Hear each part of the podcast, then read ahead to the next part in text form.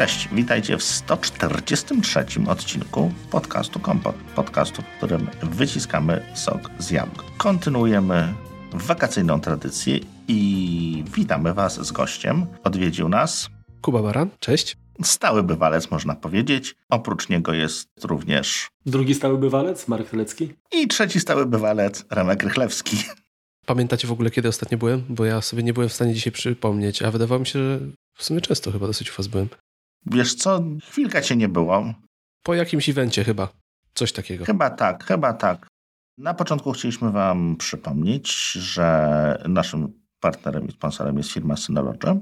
Zapraszamy Was serdecznie do zapoznania się z ich ofertą, no i używania jej, ponieważ no jest naprawdę godna polecenia. Spotkaliśmy się tutaj w tym pięknym gronie, żeby porozmawiać o dźwięku. Dźwięczny temat. Taki jest, taki jest temat. Będzie dźwięczny temat, dokładnie. Ja będę tutaj tymi nieumytymi masami, czyli koledzy będą próbowali mnie przekonać do, do zalet różnych fantastycznych formatów audio, różnych słuchawek, za niebotyczne ceny różnych rozwiązań, więc taki jest, taki jest plan, powiedzmy. Generalnie jest to związane z wprowadzeniem przez Apple nowej jakości tak, dźwięków w usłudze Apple Music, a Remek stwierdził, że to, jemu to loto i spróbujemy, spróbujemy go przekonać do tego, że jednak usłyszy różnicę. No ogól, ogólnie mówi się, że za darmo tylko w mordę można dostać, a okazuje się, że Apple jest całkiem tutaj pod tym względem inne niż to stare powiedzenie, więc sporo za darmo, no może nie za darmo, ale z dobrodziejstwem inwentarza nam dołożyli tutaj. Niektórzy dają z, dają z liścia, a podaje z jabłka po prostu. Dokładnie. Dobrze, że nie z ogryzka. Wcale nie ogryzka. Dokładnie. No okazuje się, że teraz ta standardowa jakość to troszkę ogryzek, ale to za chwilę. Więc zacznijmy od, to, żebyśmy sobie, od tego, żebyśmy sobie jakoś tam usystematyzowali nieco kwestie audio, no bo mamy formaty stratne i bezstratne. Jakie są wady, różnice i zalety? Może Marku zacznij. Mm, to przecież, no jakie są różnice? Różnice są przede wszystkim w jakości, tak? No, przynajmniej w pewnym zakresie, bo jeżeli mówimy o, o kompresji stratnej, no to ona się odbywa z wykorzystaniem pewnych algorytmów i przy ustawieniu pewnych parametrów, mhm. tak? Czyli takich jak, jak, jak przepływność, tak? czyli bitrate. Możemy oczywiście też pewne częstotliwości powycinać, y, zastosować filmy, filtry dolno-górnoprzepustowe i tak dalej. Algorytmy czy kodeki wykorzystywane, czy tak, algorytmy właściwie kompresji wykorzystywane w tym, w tym celu też bazują na jakichś y, charakterystykach, tak? Generalnie Instytut Fraunhofera, tak, dobrze mówię, który zdaje się, że format MP3 tak jest.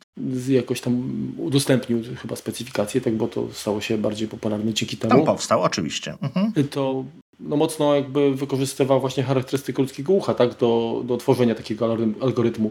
Więc kompresja stratna nie w każdym przypadku będzie dawała takie no, słyszalne efekty tak, tej, tej straty. To, to zależy, zależy przede wszystkim od percepcji no, każdego z nas. Natomiast y, jeżeli mówimy o wadach i zaletach, no to na pewno kompresja powoduje, że ten plik z danymi zajmuje mniej miejsca. Tak? No, dzięki kompresji y, w ogóle stały się popularne odtwarzacze przenośne. Tak? No, nie mówię tutaj o, o, o Discmanach, tylko właśnie o odtwarzaczach y, MP3. Pamiętasz Kuba zresztą nasze pamiętne spotkanie w pociągu? No tak, od tego się zaczęła moja przygoda z Apple właśnie. no, Już to kiedyś chyba wspominaliśmy, że, że wyskoczyłem do ciebie z jakimś odtwarzaczem z Allegro MP3, a ty mi tutaj powiedziałeś, że z czym do ludzi, chłopie. Tak, kup iPoda. Zobacz, co to iPod. No, I się tak zaczęło. Jesteś mi winien grube pieniądze. Też za przyjemność płaci. Znaczy co, zaletą jest to, że te, te pliki są no, dziesięciokrotnie, powiedzmy, można przyjąć e, o skalę mniejsza, tak? No, no tak, tak, generalnie przy zachowaniu powiedzmy wystarczających parametrów, to, to można przyjąć, że, że to jest taka różnica mniej więcej. Co jeszcze może być e, zaletą? Trudno powiedzieć, no Wymaga... No bo rozumiem, że tam nie, nie, ma tego, czego ja i tak nie usłyszę, więc mi jest na razie wszystko znaczy, jedno. Na, na pewno jeżeli, jeżeli weźmiemy pod uwagę streaming i, i powiedzmy możliwości naszego internetu, no to mhm. te y, mniejsze, mniejszy bitrate powoduje, że na gorszym łączu to audio da się też bez problemu odtworzyć, tak bez przerw, natomiast y, no tak. jak masz plik lepszej jakości, no to to zapotrzebowanie też rośnie. No to z mojej strony jakby tyle, Kuba, co, co byś dodał? Znaczy ogólnie, bo mówimy teraz o formatach stratnych, tak? Mhm. Remku. Pytanie było o, o różnicę. Okay.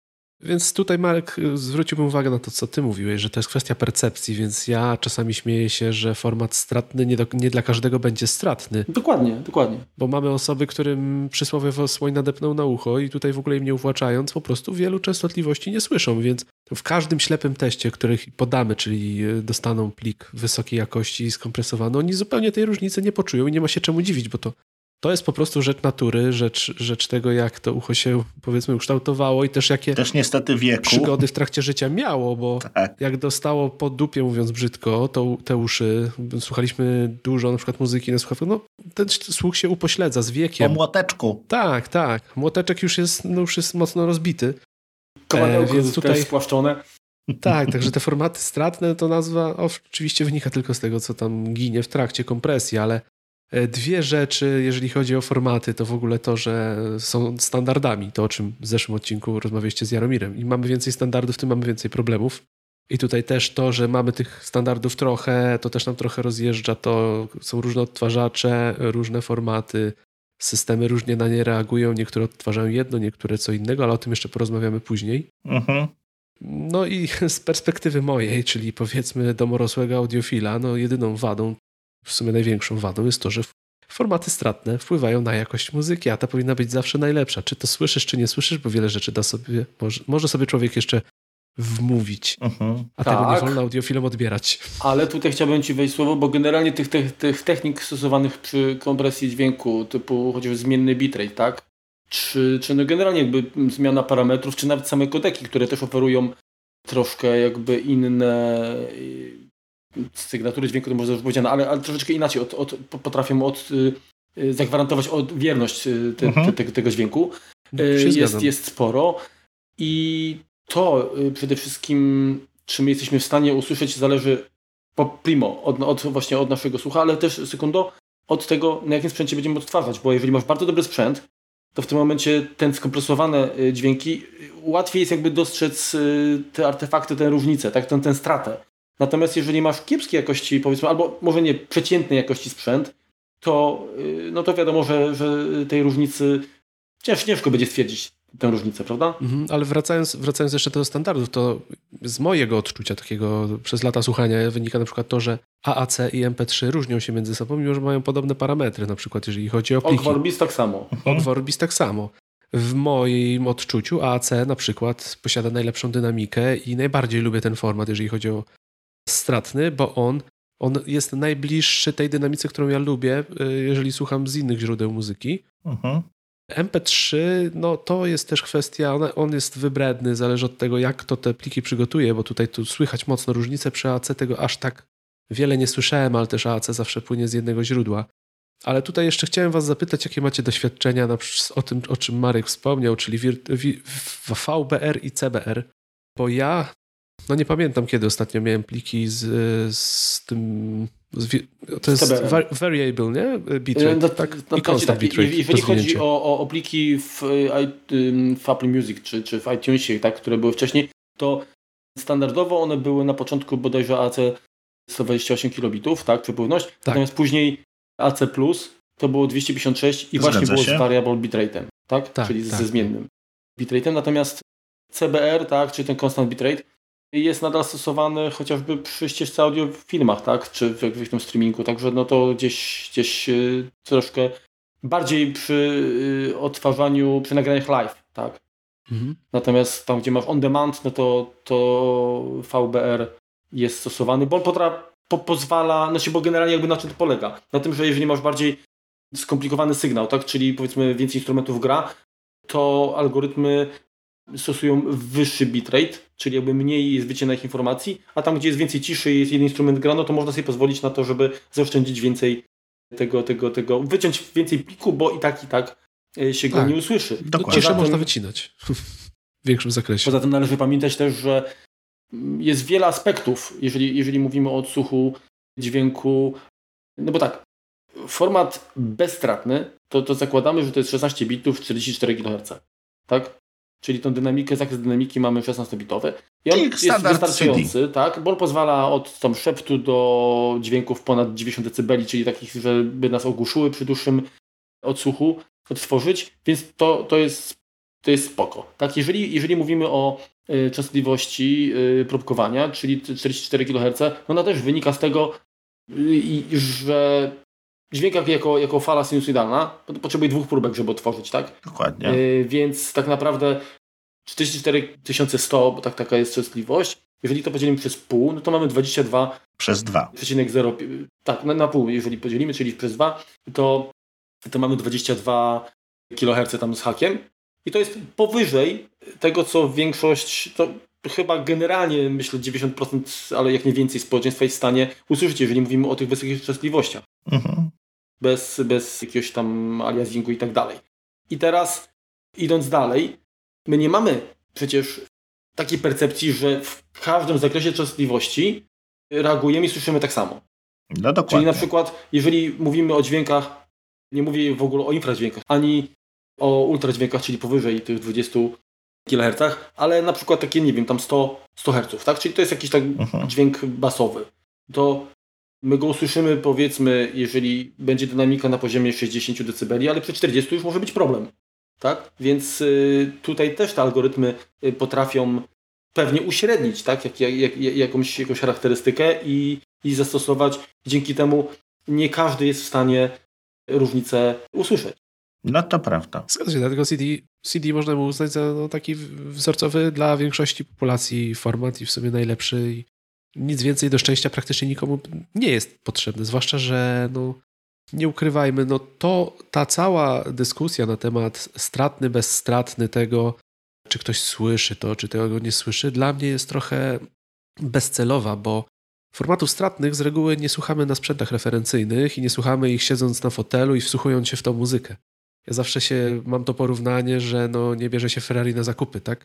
Jeżeli się je ma, no chyba, że naprawdę musisz. Chyba, że jedziesz, że jedziesz kupić drugie Ferrari. No tak, no chyba, że jedziesz kupić drugie Ferrari. I więc tutaj ja nie lubię tego porównania, nie lubię tego ścigania się, czy ktoś słyszy, czy nie słyszy tej różnicy, no bo jeżeli możemy oszczędzić transfer, oszczędzić miejsce, zabierając jak najwięcej ulubionej muzyki w formacie, który naprawdę nie będzie kół po uszach, bo to to nie będzie 120 kilo, 8 kilobitów, tak? To był ten standard taki tak, pierwszy, tak, tak. co wszyscy słuchaliśmy muzyki.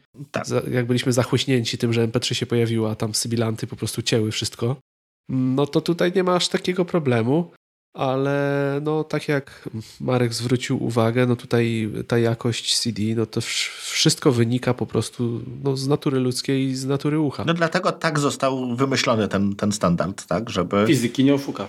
Żeby po prostu... Dokładnie, fizyki nie oszukasz. Dobrać maksymalnie sensowne parametry, tak, żeby, żeby tutaj te 90% powiedzmy populacji, czy 90% muzyki można było bezproblemowo oddać. I tutaj Tutaj jeszcze tylko chciałbym właśnie e, dodać, że pierwsza rzecz, która wiąże się z Apple, Apple Music, to jest to, że w Apple Music mamy do czynienia z gęstym formatem, czyli 48 kHz 24 bity, jeżeli chodzi o jakość lossless. Dokładnie i do tego chciałem Więc przejść. oni w jakości lossless, tak, to wcale nie jest jakość CD, tylko to jeszcze podchodzimy troszeczkę wyżej, tak zwany gęsty format, który niezbyt często się zdarzał też. Chociaż nie wszystkie albumy i to można sprawdzić z tego, co się, mi się wydaje, że y, w iTunesie, jeżeli się słucha, znaczy w iTunesie, w iTunesie już nie ma dawno, ale okej, okay, sorry, w naszych sercach w aplikacji zawsze. muzyka.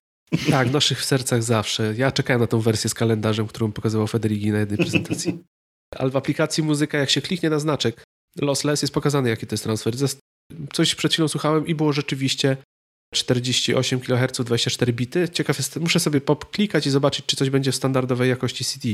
Ale myślę, że będzie. Pewnie jeszcze tak. To jest jedna z takich ciekawostek, że tutaj no, Apple poszło troszeczkę dalej, jeżeli chodzi o ten zwykły lossless. No dobrze, więc teraz tak, no ustaliliśmy, że płyta CD jest e, no, stworzona, żeby odpowiadać naszym zdolnościom percepcji, jeśli chodzi o nasz zmysł słuchu. No to jaka jest przewaga w tym momencie tych formatów high-res? Czyli w tym momencie mamy albo więcej bitów, albo i częstsze, częstsze próbkowanie, więc jesteśmy w stanie odtworzyć jak gdyby dokładniejszy ten dźwięk, tylko no może co z tego, skoro i tak tego nie słyszymy. Jeżeli mówimy jeszcze o tym, co słyszymy, to Remek, jeszcze chciałbym tylko na moment wrócić. Mhm. Ciebie nie pytam, bo ty mówisz, że, ty, że dzisiaj ciebie uczymy. Tak. E, ale Marek, bo ja wspominałem, że wolę AAC od innych formatów, a ty masz e, zdanie w tej kwestii? Masz format, który według ciebie brzmi lepiej przy podobnych parametrach? Wiesz co, jeżeli mówimy o kompresji stratnej, to ja zauważyłem, że, że to jest kwestia chyba nagrania albumu. Czasami jest tak po prostu, że, że, że to gra lepiej. Też nie, trudno mi powiedzieć na przykład, nie, czy Spotify bierze z tego samego źródła te same materiały ma jako, jako, jako, jako, mm, źródłowe i, i Apple, tak? Że zdarzało mi się tak, y, że, że słyszałem faktycznie, włączyłem ten sam y, Mind Spotify Premium, y, włączyłem w maksymalnej jakości. Tak mówiłem jeszcze przed tymi czasami, przed tym wprowadzeniem teraz Lossless przez Apple. I słuchałem danego albumu i słuchałem go też w, Apple Music. Mam wrażenie, że brzmi gorzej, ale ogólnie jest rzeczywiście tak jak, jak jak ty mówisz, że chyba poza jakimiś specyficznymi przy, y, przypadkami, które mogą wynikać nie, nie tyle z formatu, co właśnie z jakiegoś, y, nie wiem, może na zasadzie, wiesz, tak jak masz, masz mastering, tak? Że masz jakieś yy, yy, wydanie w jednym, z jednym, w jednym studio, wszystko innego zmodyfikowane i tak dalej. Mogą się troszkę różnić i po prostu takie, takie bardzo osobiste odczucie może być takie, że twierdzi, że okej, okay, ten album e, lepiej brzmiał akurat w Spotify przy wykorzystaniu jakby innego kodeka, co może być zwyczajnie tutaj przypadkiem. Jeśli chodzi o moje, moją percepcję dźwięku i, i to, na co ja powiedzmy kompresowałem, to w momencie mojej przesiadki na iTunesa, która była 100 lat temu, ja po prostu zrobiłem sobie test. Przekonwertowałem dwie chyba płyty, które, które bardzo dobrze znałem na AAC 128 160, 192 e, i 256. Tak po prostu zrobiłem jakby cztery wersje czy pięć wersji i sprawdzałem, gdzie słyszę jakieś niedoskonałości, gdzie słyszę jakieś, jakieś różnice i w, na 192, na 192 po prostu to był dla mnie, dla mojego jak gdyby zmysłu słuchu, dla mojej percepcji, dla tego, co, co, co pamiętałem z tych albumów, to po prostu był jakby ten taki złoty środek. Więcej jak gdyby nie potrzebowałem, bo, po prostu ja nie, nie słyszałem różnicy. No tak, tylko, tylko rozumiem, że ripowałeś z płyty CD. CD. Oczywiście. Tak, okej. Okay. Druga kwestia, jaki to był utwór, tak? No bo inaczej będzie mieć jakiś jazzik, jakiś, czy muzyka klasyczna, a inaczej będzie mieć pop, gdzie po prostu już na w fazie masteringu czy reżyserii dźwięku, on po prostu są, tam są inne częstotliwości brane w ogóle pod uwagę, tak? Zgadza się. No, wybrałem sobie powiedzmy dwie, dwie płyty takie, które dość różnorodne to było jakiś Pink Floyd i Dire Straits, e, powiedzmy, z tego co, z tego, co pamiętam, czyli, czyli rock, czyli, czyli, ale powiedzmy taki niezbyt sztampowy. Trochę tam więcej instrumentów e, się pojawia, więcej jakichś tam przeszkadzajek i tak dalej. I, I mi to jak gdyby odpowiadało. Też to, co, to, co Marku wspomniałeś, e, kwestia masteringu, skąd mamy, skąd mamy wydanie, jakie to jest wydanie. No istnieje, no część osób twierdzi, że płyty winylowe są lepsze, bo brzmią lepiej. Nie będę tutaj na ten temat dyskutował, bo, bo, bo, bo to jest jak gdyby kwestia własnych odczuć. Natomiast no, po prostu mastering wiele, wiele razy na płyty winylowe po prostu jest inny, bo on tam nie może mieć takiej dynamiki jak na płycie CD. To, na co, na co cierpimy niestety od, od wielu lat, to jest ten loudness war, czyli y, coraz wyższa kompresja, coraz utwory są głośniejsze, coraz mniejsza jest różnica pomiędzy tym, co jest ciche, a głośne. Po prostu jest to, e, jak się, jak się spojrzy na, na pasek tego, znaczy na, na wykres e, wave'a, czyli tego utworu, który jest, no to jest to po prostu jeden stały klocek, tak? Tam nie ma elementów cichych, nie ma elementów głośnych, to jest po prostu jeden, jeden taki kloc, e, który wali po uszach. No i, i tutaj na to cierpimy, tak? Czyli im późniejszy mastering, tym on jest gorszy niestety. Ramku, zadałeś pytanie tak naprawdę komu, y, jak to, marihuana, no po co to i komu, tak? Po co, po co high tak? Co zyskujemy stosując y, formaty, które mają większą, większy zakres dynamiki, mhm. tak, bitowej, y, większą częstotliwość produkowania, no to Kuba mnie tutaj skorygujesz pewnie, albo, albo poprzesz, ale moim zdaniem w zależności od tego właśnie jakiego rodzaju to jest muzyka, my możemy odtworzyć więcej detali, więcej, więcej takich smaczków, niuansów, które sam cyfrowy zapis generalnie troszkę jakby, jakby ten, ten sygnał jest, jest zubożony przy, przy zapisie cyfrowym, tak? No bo jednak jak słuchamy winela, to ten dźwięk wydaje się taki cieplejszy, taki pełniejszy, dlatego że jest więcej takich powiedzmy jakichś harmonicznych, które powodują, że, że to, to nie są może takie dźwięki klasyczne, tak jak, nie wiem, fortepian czy coś, ale nawet jak naciśniesz yy, klawisz na fortepianie,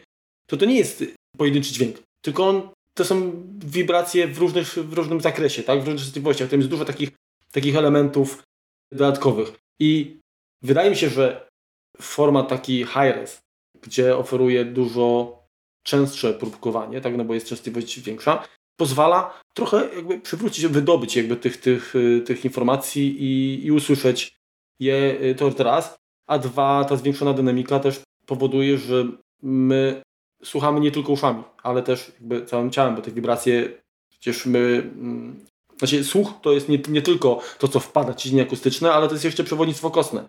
Tak? Cały nasz organizm jest w pewnym sensie taką membraną, która odbiera dźwięki. I myślę, że tutaj podając y, nam sygnał taki, my troszeczkę inaczej jesteśmy w stanie odebrać muzykę, ją wręcz inaczej przeżywać, tak? Kuba, jak ty, jak uważasz? Myślę, że w tym wątku, jaki tu zaczęliście, to nawet nie ma sensu przeskakiwanie od razu do high-res, ponieważ dla większości osób, które słuchają muzyki jakości CD, czy tego gęstego formatu, już będzie sporym zaskoczeniem, jeżeli chodzi o detale, bo większość osób w gruncie rzeczy muzykę traktuje jako dodatek i, i tutaj po wsłuchaniu się w to, co dają im na przykład usługi streamingowe, czyli skompresowany dźwięk, po tym jak usłyszeliby już samą jakość CD, na odpowiednim sprzęcie oczywiście, no bo nie ukrywajmy, że no, nie można oczekiwać na słuchawkach za 49 zł z marketu to, że usłyszymy jakieś detale, które taka jakość niesie. No tutaj już będzie, będzie różnica. I czy to jakość CD, czy high-res, no tutaj to jakoś wykładniczo rośnie, to o czym Marek mówił. Cała siła tego formatu i to, że tych, te, tego formatu się używa i jest on pożądany, zwłaszcza im wyżej jesteśmy w sprzęcie, im lepsze mamy przetworniki analogowo-cyfrowe, im lepsze mamy wzmacniacze, kolumny i im więcej tych detali jesteśmy w stanie w ogóle z tej muzyki wyłuskać, tym bardziej zależy nam na odpowiednim materiale źródłowym. I nie jest to tajemnicą, i, i ja to nieraz miałem okazję usłyszeć, że przy wysokim, wysokim stan, wysokiej jakości dźwięku, na przykład takiej jak hi-res, ilość detali, tembr głosu, zwłaszcza na przykład blachy perkusyjne, tego typu elementy niosą zupełnie inne doznania i to słychać, jak to pracuje. Próbkowanie jednak odbiera troszeczkę tej, tej jakości, no bo to jednak jest próbkowanie. To nie jest ciągły dźwięk, to jest jakaś próbka i w gruncie rzeczy no, trzeba też wiedzieć, czego się słucha. Kiedyś mój znajomy powiedział mi, że, że ja to tak dziwnie słucham muzyki, bo zwracam uwagę na to, że na przykład są jakieś talerze, że coś jest w tle, że gdzieś tam jest jakiś, nie wiem, kastaniec z boku. Zwracam uwagę na to, jaką scenę generuje ta muzyka, jaka jest stereofonia, że coś jest z lewej, coś jest z prawej, coś, coś jest na środku. Okazuje się, że niewiele osób to robi, więc, y, więc to nie jest też dla nich y, rozwiązanie ani format. Ale, ale tak jak Marek wspomniał, no słucha się całym ciałem, a to, co w tym próbkowaniu nam umyka, często jest też niesłyszalne dla nas, bo dla basu na przykład bardzo ważne jest to, żeby on nie był skompresowany, że on nie był próbkowany, bo to, czy on jest masywny, czy on odpowiednio schodzi, jak jest kontrolowany, to też wynika z tego, jak, jak ten sygnał jest przekazywany. A jeżeli chodzi o winyla, no ja lubię winyle. Ostatnio co prawda nie słucham ich tak wiele, bo nie jest to tak łatwe, jeżeli ma się w domu trzylatka, który w każdej chwili bardzo chciałby takim winylem sobie pokręcić, ale jestem fanem tych płyt ze względu na to, że to jest czysty analogowy sygnał, chociaż trzeba być uważnym, no bo dużo płyt aktualnie powstaje cyfrowo, więc winyl jest pewnym przerostem formy nad treścią, no bo... To jest tylko już później samym nośnikiem, natomiast materiał i tak... jest y, tylko tak. tak, to jest, jest samym nośnikiem. Chociaż bardzo ważne jest to, o czym Remek powiedział, że żyjemy w czasach, kiedy e, ten loudness war to wszystko psuje nam odrobinę odbiór, a tego się nie da na winyl przenieść, więc jest przygotowywany inny master.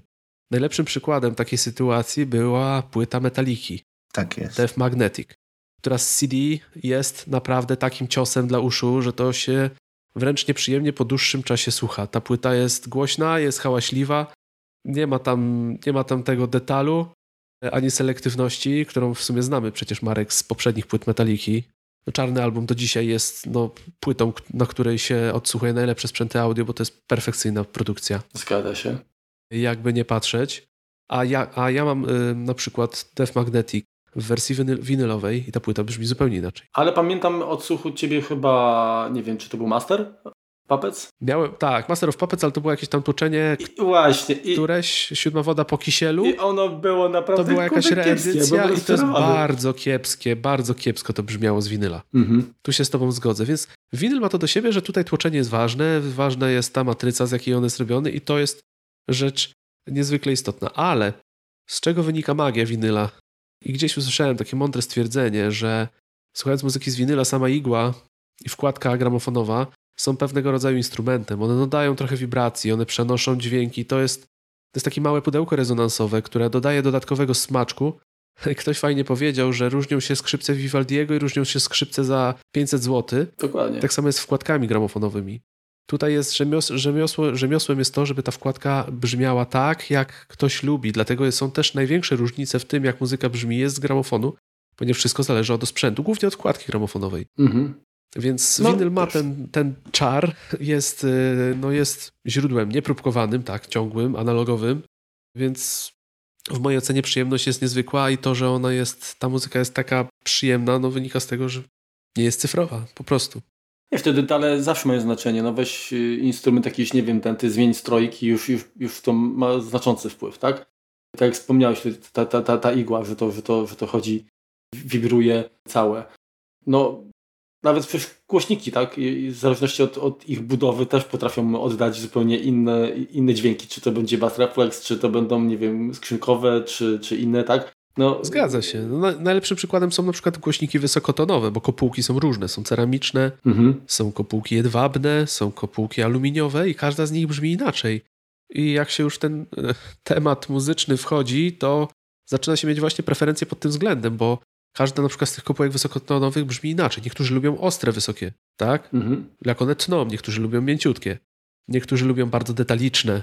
I to wszystko da się właśnie w tym sprzęcie zrobić, więc w gruncie rzeczy ten sprzęt składa się po to, żeby wcale nie mieć, no czy są tacy, którzy chcieliby mieć idealnie z płyty, tak, i bez żadnych tam naleciałości sprzętowych, tak, tak też się zestawy konfiguruje, ale sprzęt audio buduje się trochę pod siebie, żeby mieć taki sposób grania, jaki się lubi. No tak, no bo to musi być przyjemność, tak? Z odsłuchu. Tak, tak, tak. I to jest też plus tego wszystkiego, że można sobie zrobić. Lubisz ostro, tak, żeby to cięło, żeby to naprawdę robiło wrażenie, co w moim doświadczeniu jest takie, że to jest fajne, to jest efektowne, ale na krótki, na krótki czas, tak? Drażniące jest. To No. się szybko, szybko potrafi zmęczyć słuchacza. Tak, to potem zaczyna drażnić. Miałem kolegę, który sobie złożył taki zestaw, który jak włączył ci pierwszy utwór, to robiłeś wow i po prostu byłeś wgnieciony w kanapę, ale niestety po 30 minutach odsłuchu już stwierdzałeś, że już ci trochę uszy więdą i zróbmy przerwę.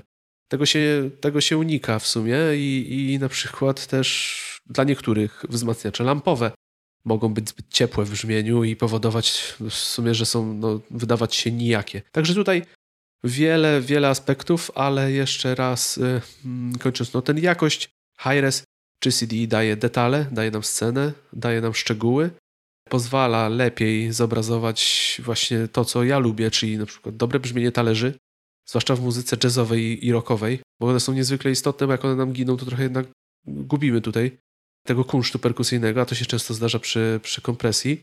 No i przy kompresji najczęściej właśnie jakieś tam dźwięki, dziwne sybilanty słychać na talerzach perkusyjnych. Właśnie przy 128 kilobitach to było takie, Mhm, mhm. że talerz zamiast brzmieć to robił taki wsz- i to było wszystko. No, dokładnie. no to tak.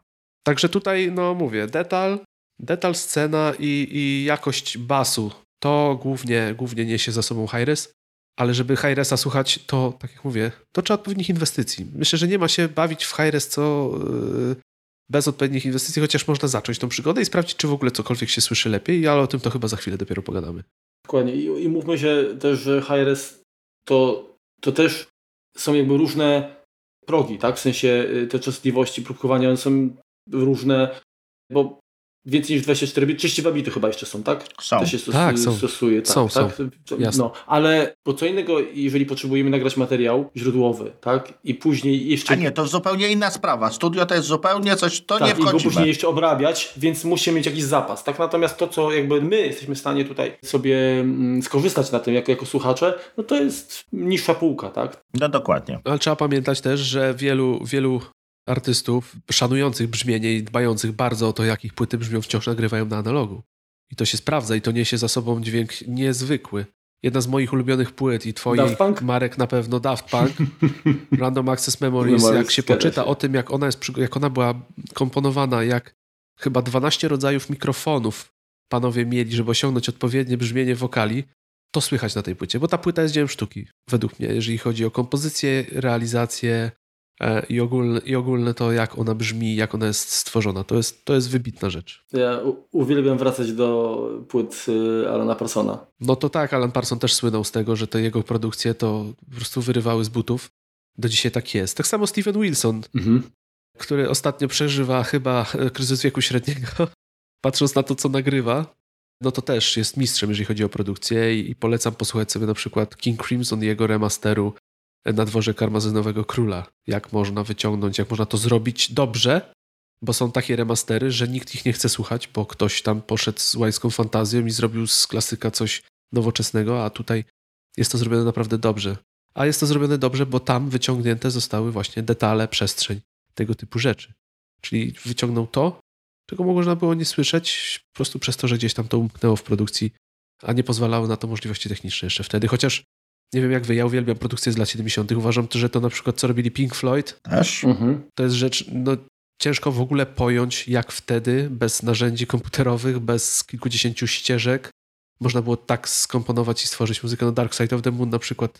Ostatnio czytałem o tym, jak tam w Money ta kasa jest na początku, która wjeżdża i zjeżdża i to mhm. zmontowanie tego to podobno w ogóle jakieś tam zadanie na tydzień chyba. No tam Alan Parsons między innymi. Żeby to dobrze zrobić. Tutaj Dokładnie. Moc, moc, mocno maczał palce w tym. Wy, wywołałeś go do tablicy. Dobrze.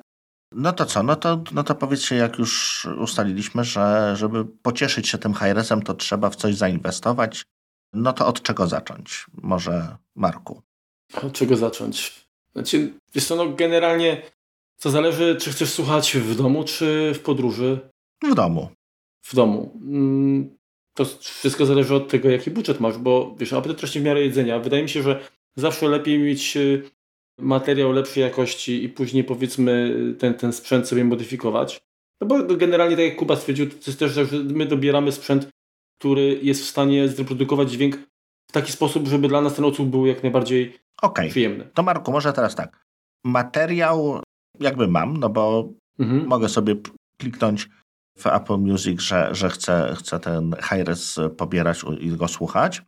E, chodzi mi o to, co jest według Ciebie, e, za chwilę to pytanie zadamy Kubie, takim minimum, żebym usłyszał różnicę pomiędzy dźwiękiem CD, który, który mieliśmy, a czymś więcej, czyli hi-resem. Nie jestem w stanie Ci odpowiedzieć na to pytanie nie znamy wszystkich sprzętów, nie miałem do czynienia z, z każdym możliwym głośnikiem, mhm. więc to jest, to ciężko sobie powiedzieć. E, to, co Ci mogę podać, to na pewno ja osobiście preferuję mhm. wszelkie przetworniki, które pozwalają zreprodukować scenę, czyli jeżeli masz HomePoda, masz, to to kup drugiego, żeby mieć je w stereo. Na pewno zagra to o niebo lepiej niż pojedynczy, tak? Nie jestem, nie jestem zwolennikiem takich rozwiązań punktowych. Jasne. Tak? Nie wiem, znaczy nie, nie, mam zdania, jeżeli chodzi o kino domowe, tak, bo tutaj też jest sporo takich rozwiązań, że masz tych głośników y, w koło wiele. Dokładnie. No i stosunkowo niedrogie najczęściej. Tak, no, na pewno się sprawdza przy filmach, ale wtedy nie, no, umówmy się, y, większe znaczenie ma jednak oprawa wizualna. Te efekty, one są, one mają być dynamiczne, one mają być efe, właśnie efektami, Natomiast Bas tutaj... ma trząść spodniami, zgadza się. Tak, natomiast to, to, to nie jest moim zdaniem sprzęt y, przystosowany, jakby dedykowany do, do odsłuchu muzyki. Jasne. Dlatego dla mnie zawsze zestaw stereo będzie no, czymś y, bardziej jakby adekwatnym. Znaczy ja, ja bym tu zaczął inaczej. Bo już wcześniej mówiłem, że będziesz mnie o to pytał, więc już nie pozwolę zapytać, tylko od razu będę się wymądrzał. Pewnie, że tak. Ja bym nie robił tak, jak mówisz, że żeby poczuć różnicę między jakością CD a high-res, Mhm. Pierwszym punktem dla większości osób powinno być dobre poczucie jakości CD w ogóle. I tak jak tutaj zgodzę się całkowicie z Markiem, że pierwszym punktem jest zestaw stereo. Dwa głośniki odsunięte od siebie, które będą w stanie zbudować scenę, stereofonie i pokażą nam w ogóle obraz tej muzyki w przestrzeni. Punktowe rozwiązania nie są w stanie tego zrobić i tu tracimy bardzo, bardzo dużo i to byłby pierwszy krok, jaki bym wykonał. Jasne. Druga rzecz, nie próbowałbym też tego robić na zestawach kin domowych. Bo wydaje się, że mając 5 głośników plus woofer, będzie nam dużo łatwiej osiągnąć efekt dobrze brzmiącej muzyki niż przy dwóch głośnikach co jest nieprawdą. Nigdy nie byłem fanem słuchania muzyki na kinie domowej, tak samo jak nie byłem wielkim fanem kina domowego, bo uważam, że dobrze skomponowane stereo jest w stanie zapewnić nam naprawdę taką jakość i taką ilość przestrzeni, że te głośniki za głową, one są fajne, ale też nie będą aż takiej różnicy nam robić, bo tak jak Marek zwrócił uwagę, obraz robi nam robotę i ten dźwięk jest w sumie dodatkiem, więc tak bym to widział. Więc jeżeli chcemy zacząć słuchać muzyki, Jasne. Mówimy o muzyce oczywiście, bo tutaj w ogóle nie mówimy o wideo, żeby było jasne. No chyba, że teledyski, tak? Okej. Okay. Teledyski plus zestaw audio, chcesz posłuchać sobie. Teraz nie, teraz nie ma teledysków, teraz jest kurczę zawolowane porno, kurde. No a to tam zależy od gatunku muzyki. No tak. Ale tak, zgadzam się całkowicie z Markiem. Zestaw stereo, który pozwoli nam posłuchać sobie tego właśnie na dwóch głośnikach. Co ważne, no coś, co pozwoli nam odtwarzać tą jakość bezstratną, czyli jakość CD z naszych usług streamingowych. No tutaj będziemy rozmawiali, że o Apple Music. Dokładnie. Nazwa zobowiązuje, więc mówimy o Apple Music. Więc albo podłączamy sobie, musi być wzmacniacz lub cokolwiek innego, co jest podłączone do tych głośników. I teraz tak, albo podłączamy się kabelkiem do tego wzmacniacza i puszczamy ten dźwięk, mhm. żeby tą jakość zachować, albo można skorzystać ze starego, wysłużonego, ale wciąż wspaniałego Airport Expressa, które wepnie się do naszej sieci Wi-Fi i ono ma wyjście, wyjście audio.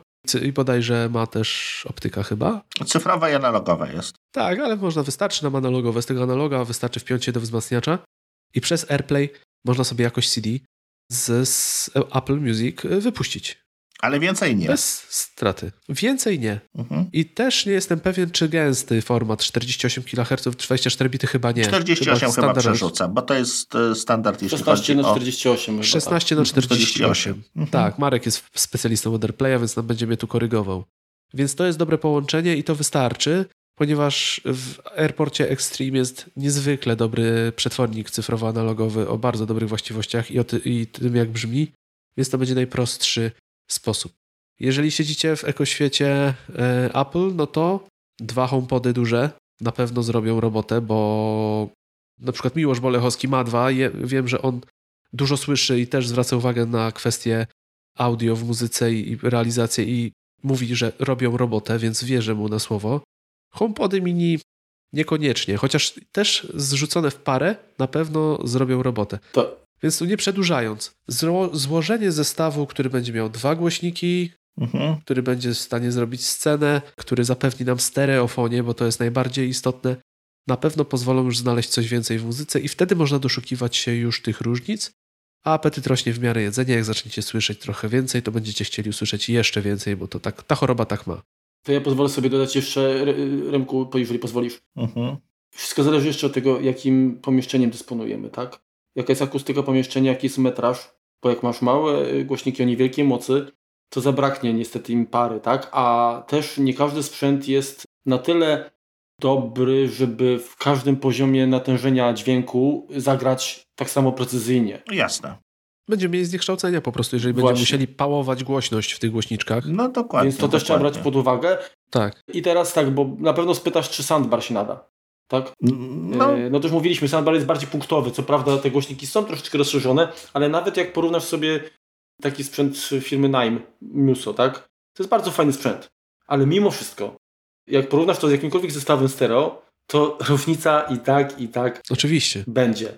Znaczy ja nie jestem fanem soundbarów, ale, ale tak, tak, miałem się, miałem się o to zapytać. No dobra.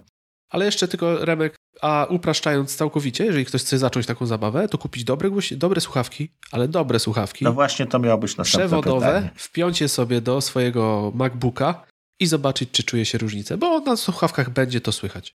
I to jest najprostszy sposób w ogóle zobaczyć, żeby sprawdzić, czy nas to kręci, czy nas to bawi. Nie wiem, wydaje mi się, że na przykład Sony za, za, tą, za kilkaset złotych słuchawki, ale nauszne, Żadne pchełki, tylko solidne, duże słuchawki nauszne już pokażą, z czym to się je i na czym ta różnica wygląda. Czyli powiedzmy, mm, jeśli chodzi o, o słuchawki, tak? no to mówimy tylko w tym momencie o słuchawkach przewodowych. O bezprzewodowych zupełnie możemy zapomnieć, czy są jakieś wyjątki? Nie, nie musimy zapominać, ale myślę, że w gronie waszych słuchaczy mało kto ma Androida Jeżeli chodzi o Androida, to jest taka przewaga, że w tej chwili słuchawki bezprzewodowe Bluetooth mogą odtwarzać dźwięk bezstratny w jakości CD. aptX? aptX i to jest y, LDAC, tak chyba nazywa się ten format aktualnie, bo tam to trochę zostało zmienione, to jest wymysł właśnie Sony. Niestety urządzenia Apple tego nie posiadają. A jeżeli chodzi o, o urządzenia od Apple, no to obiecane mamy, że AirPodsy Pro bodajże i AirPodsy Max, kolejnej, jednej z kolejnych aktualizacji Mhm. oprogramowania sprzętowego, będą format bezstratny, czyli pewnie ALAC, czyli Apple Lossless Audio Codec, obsługiwać, więc będzie można słuchać bezstratnie. Ale najniższym progiem wejścia jest po prostu kabel, kabel do słuchawek i ten kabel do urządzenia. No tak, tylko to mówię, że zawsze jest kompromis, tak wygoda yy, względem powiedzmy właśnie ta perfekcja, tak? Czyli gdzieś to, Tak, Marku, ale jeżeli, jeżeli usiądziemy w domu w fotelu, no to ten kabel nas nie ogranicza, tak? To nie jest problem. Natomiast y, jak już tam powiedzmy chcemy, chcemy jeszcze w tym czasie coś robić, no ale to w tym momencie to mówmy się, jak, to już nie skupiamy się ale na muzyce. Marek, ale y, na pewno, no powiedz, no, no nie będziesz słuchał, nie poczujesz tej różnicy. Może przez chwilę, o, a tego coś nie słyszałem, ale za chwilę pogubisz się. Mhm, mhm. Czas dać sobie sprawę z jednej rzeczy. Jeżeli chcemy zacząć słuchać muzyki, naprawdę zacząć jej słuchać, bo Delektować niewiele się. ludzi jej słuchać, tak. delektować, to musimy znaleźć na to czas. To nie jest proste w sumie, tak może nie strasząc. Usiąść, włączyć te słuchawki, podłączyć kabel, nie biegać po domu, nie robić stu innych rzeczy, tylko po prostu słuchać muzyki. I tylko w ten sposób jesteśmy w stanie tak naprawdę tą różnicę zauważyć. I tak samo jest z odsłuchem na głośnikach. Też musisz usiąść i musisz posłuchać. Bo zmywając jednocześnie naczynia, niestety no, nie umknie ci to wszystko, co ci ten format daje, więc po co się męczyć i Ale kombinować? talerze będziesz słyszeć dobrze. No wtedy talerze, tak. Na pierwszym miejscu. No talerze idealnie będziesz słyszał. Dobrze. Tak troszeczkę krą- krążyliśmy dookoła kwestii percepcji ludzkiego ucha. Tak, no mniej więcej Mhm. wiemy, że to jest 20 Znaczy, wiesz to gen, Hz, 20 kHz. generalnie tak, Tak? tak, tak. Tak, średnia, 20 powiedzmy. Hz, 20 kHz, tak, to mniej więcej takie się podaje, zresztą sprzęt hi-fi takie, takie ma parametry, tak, zwykle. Natomiast y, to, to też nigdy nie jest tak, że ta charakterystyka jest płaska, tak, czyli właśnie jest, y, dynamika trochę się zmienia w tym zakresie. No i nasze uszy też mają problem, czy nasz aparat słuchowy y, z, z percepcją, właśnie z odbiorem y, takich y, dźwięków. Dlatego warto też, jeżeli ktoś ma w ogóle obawy, że, że- że, nie słyszy albo słyszy gorzej, Co? y, to warto, wa, warto sobie zrobić testy, tak? I tutaj jest, jest kilka rodzajów testów, tak? Bo oczywiście najprostsze no to są testy nawet takie online, gdzie mamy próbki, tak? y, I sobie możemy puszczać y, Ale to Mm. troszeczkę tak naprawdę o kant potłuc, bo bardzo często urządzenie, z którego my to puszczamy, to ono nie bardzo ma możliwości wygenerowania No, wysokich... no, no tak, ale to w tym momencie powiedzmy, że, że dokonujesz testu na konfiguracji, którą, którą właśnie dysponujesz, tak? Czyli, czyli Mhm. te, z jednej strony sprawdzisz, co jest w stanie otworzyć twój sprzęt, Jasne. a z drugiej, jak No ma to sens, dokładnie. twój organizm się z nim z tym zgrywa, tak? Mhm. Tak, tylko tu Marek właśnie trzeba rozgraniczyć, że test, trzeba wiedzieć na czym się ten test przeprowadza, żeby nie myśleć potem, że ty tego nie słyszysz, bo może być tak, że twój sprzęt tego po prostu nie jest w Dokładnie. stanie zreprodukować. Dlatego te testy takie powiedzmy analityczne czy laboratoryjne zawsze dają większy, większy ogląd, tym bardziej, że trzeba brać pod uwagę, że nasza wada, powiedzmy, jeżeli posiadamy jakąś wadę słuchu, Mhm. to ona może objawiać się tylko na przykład w wybranym wąskim zakresie, tak? Czyli my konkre- kon- konkretnych częstotliwości możemy nie słyszeć. Wszystko słyszymy poza żoną. To się po kilkunastu latach dzieje. No to, to nie wiem, to jest, czy, czy to, to jest wada? Także yy, Naturalny mechanizm obrony organizmu. dokładnie. Także można wykonywać testy tak zwaną audiometrię tonalną i impedacyjną. Jedno to jest badanie subiektywne, gdzie tak naprawdę weryfikuje się w zakresie tam od y, chyba kiloherca do 8 kHz, jakie natężenie, ile decybeli tak wymagane jest, żebyśmy w ogóle usłyszeli Mhm.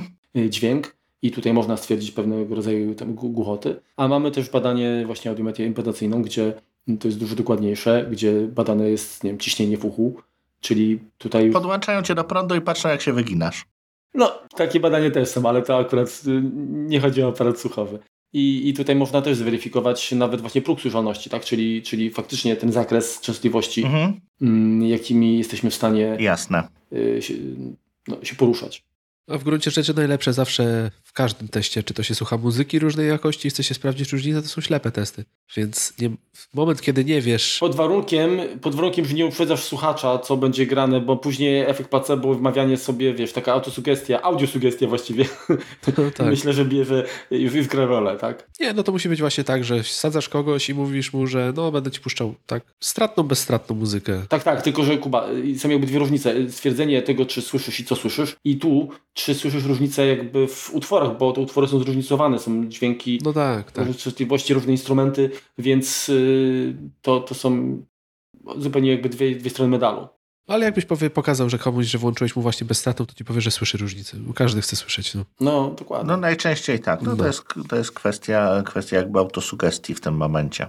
Poza tym ja chciałbym jeszcze dodać, że generalnie to jest tak, że te częstotliwości, tak, które urządzenia są w stanie zreprodukować, to też nie wszystkie częstotliwości są dla nas dobre, tak? Jeżeli polecimy za bardzo w infradźwięki, no to nie wiem, można mieć jakieś, nie wiem, bóle głowy, nudności i tak dalej, bo gdzieś to ten nasz organizm nie radzi z tym.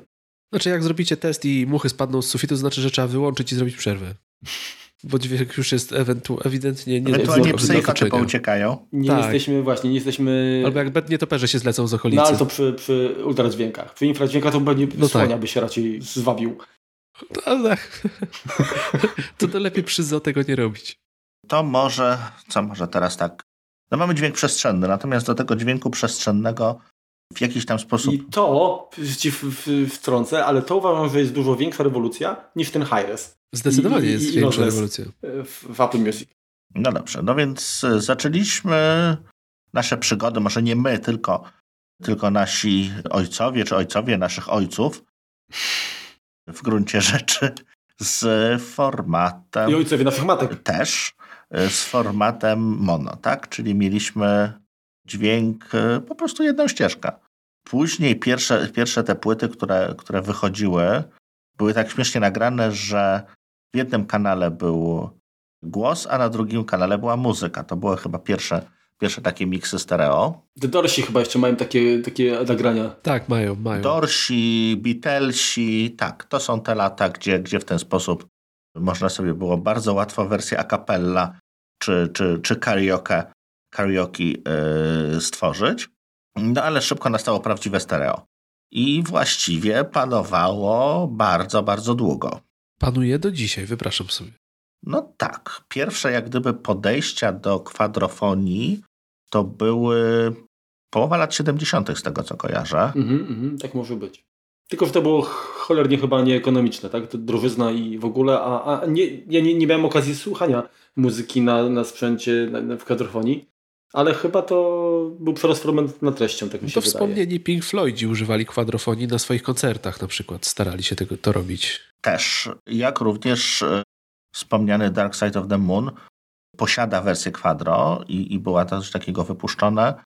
Było kilka pewnie można polecić na palcach trwala specjalnych gramofonów, które działały w tandemie, czyli po prostu uruchamiało się naraz dwie płyty. Y, I coś takiego, coś takiego powstało, ale to zupełnie się nie przyjęło. I no jak gdyby dalej, no to pewnie Surround był, był następną, następną, następną próbą jak gdyby poszerzenia tych, tych ilości głośników. Z tym, że Dol Surround to było Dolby Surround, dobrze pamiętam, był taki tak, system tak. Dolby Surround, tylko że to nie było realizacja chyba albumu, tylko to był taki dodatek, że można było włączyć i ten dźwięk był jakby konwertowany do Dolby Surround. Bo albumy w Surroundzie chyba nie wychodziły jako takie. Nie, nie wychodziły, wiesz, ale to bardziej, bardziej filmy, to bardziej na, na płytach DVD chyba się to spotykało. A tak. To, co jeszcze, to, co jeszcze powiedzmy tam... W DVD, nie, były CD wideo chyba, czy coś takiego płyty. Wideo? Wideo CD. I tam Ale był tam było właśnie stereo. Taki... Tam było maksymalnie okay. stereo. Okay. Przynajmniej tak mi się wydaje. To co, to, co mieliśmy jeszcze z dwóch kanałów wyciągnięte, to był taki Q-Sound. To jest to Sony? Nie wiem, czy, czy kojarzycie. Tak, to był wynalazek Amuse Sony. to Dev chyba było zrealizowane tak, w Q-Soundzie. Dokładnie. I to rzeczywiście było, robiło wrażenie. Ja pamiętam, jak słuchałem Amuse to Dev no, dawno, dawno temu ten album był zrealizowany dość przestrzennie, bo znaczy tam scena była potężna w miarę dobrym sprzęcie mhm. i zapewne właśnie tam był taki w jednym utworu psy szczekają. Tak. I one naprawdę wrażenie było, że są za plecami. Tak ten dźwięk się niósł. To było, no to to zresztą fajne. tak było opisane na, na albumie, że jeżeli nie słyszysz, że, że psy szczekają za oknem, to twój sprzęt jest do niczego. No, to na pewno pisał Roger Waters, bo on lubi tak y, prosto z mostu To, powiedzieć coś. co białe, myśli. czarne, tak, dokładnie. Tak, dokładnie. To właśnie, no teraz to co, to, co aktualnie znajdujemy w kinie domowym, tak? Coś, czego wy nie, wy nie lubicie, no to jest 5.1, DTS, Dolby Digital, THX. Może potraficie jakoś tam oświecić mnie, czym to się różni, co wybierać, jak to, jak to wygląda. To czy to był coraz lepszy format Im dźwięku? więcej cyferek, tym lepiej? No, niekoniecznie. Ja najlepiej wspominam DTS, bo on rzeczywiście dźwiękowo był najlepszy. I, i są, jest taki na przykład koncert y, The Eagles, Hell Freezes Over, No, piękny album. który Mhm. jest zrealizowany właśnie w wersji na DVD w DTS-ie. I, Mhm. I to jak, ja pamiętam, gdzie mu- mój ojciec miał dużo koncertów, ma na DVD i właśnie pamiętam jak przyniósł tego ten koncert w DTS-ie, no to wszystko co do, dotychczas słuchaliśmy w Dolby Digital fa- 5.1 Poszło was tak. brzmiało od tego czasu jak, jak pospolita kupa, mówiąc brzydko. Mhm. I z DTS-em tak było rzeczywiście. Jeżeli coś było w DTS-ie zrealizowane, to brzmiało zdecydowanie, zdecydowanie lepiej. W THX-ie niczego nie oglądałem, bodajże to Lukas, tak? Wprowadził Tak, THX, tak, to tak, dzisiaj to THX było na- występuje. sprofilowane bardziej na filmy, nie, na, nie tyle na muzykę, co ewentualnie na jakieś filmy. koncerty, ale, ale głównie filmy, nie? Chyba efekty filmowe. Ale to chyba wynikało bardziej z tego, w jakim, że studio miało certyfikat THX, bo to chodziło o pewne chyba osprzęt, którym pro- produkowane było. Mhm. Produkowane to było, więc e, ja nie, tak jak już wspominałem, nie jestem wielkim fanem kina domowego, więc nie jestem w stanie się tu bardzo rzeczowo wypowiedzieć, ale powiem tylko tyle, że DTS wspominam najlepiej. Z tych wszystkich systemów. To było też 5.1, ale tam jakość tego dźwięku była zdecydowanie lepsza. Realizacja kanałów. Czy te, To, co ominąłem tutaj wymieniając, no to zapomniałem, jakby przeskoczyłem przez Super Audio CD. mhm. Też niestety format, który się nie przyjął, ponieważ e, to były płyty, które e, były jakby dwuwarstwowe. Pierwsza warstwa, ta, ta główna, to była warstwa CD i na niej był po prostu nagrany normalny kompakt 1644-100. Natomiast pod spodem była jakby warstwa hi-resowa, dająca, dająca jakby większe, niosące ze sobą większe informacji. I też nie wiem, czy pamiętacie, mi się kiedyś to jeszcze za, za, za z bardzo, bardzo dawnych czasów udawało gdzieś tam ściągać z tak zwanych internetów. Były płyty, które były po włożeniu jakby do, do normalnego kompaktu, one się zgłaszały jako, jako standardowe płyty audio, natomiast na nich był nagrany dźwięk skompresowany. One trwały dalej godzinę, natomiast to było również w tym momencie ten, ten wave, który tam był zapisany, był tak naprawdę skompresowanym DTS-em. Nie wiem, czy z, czymś takim się spotkaliście, czy, czy pamiętacie, jak to się Nie. nazywało. No ja, ja akurat nie. Wiem, że było tak z Dark Side of the Moon, że on był w DTS-ie.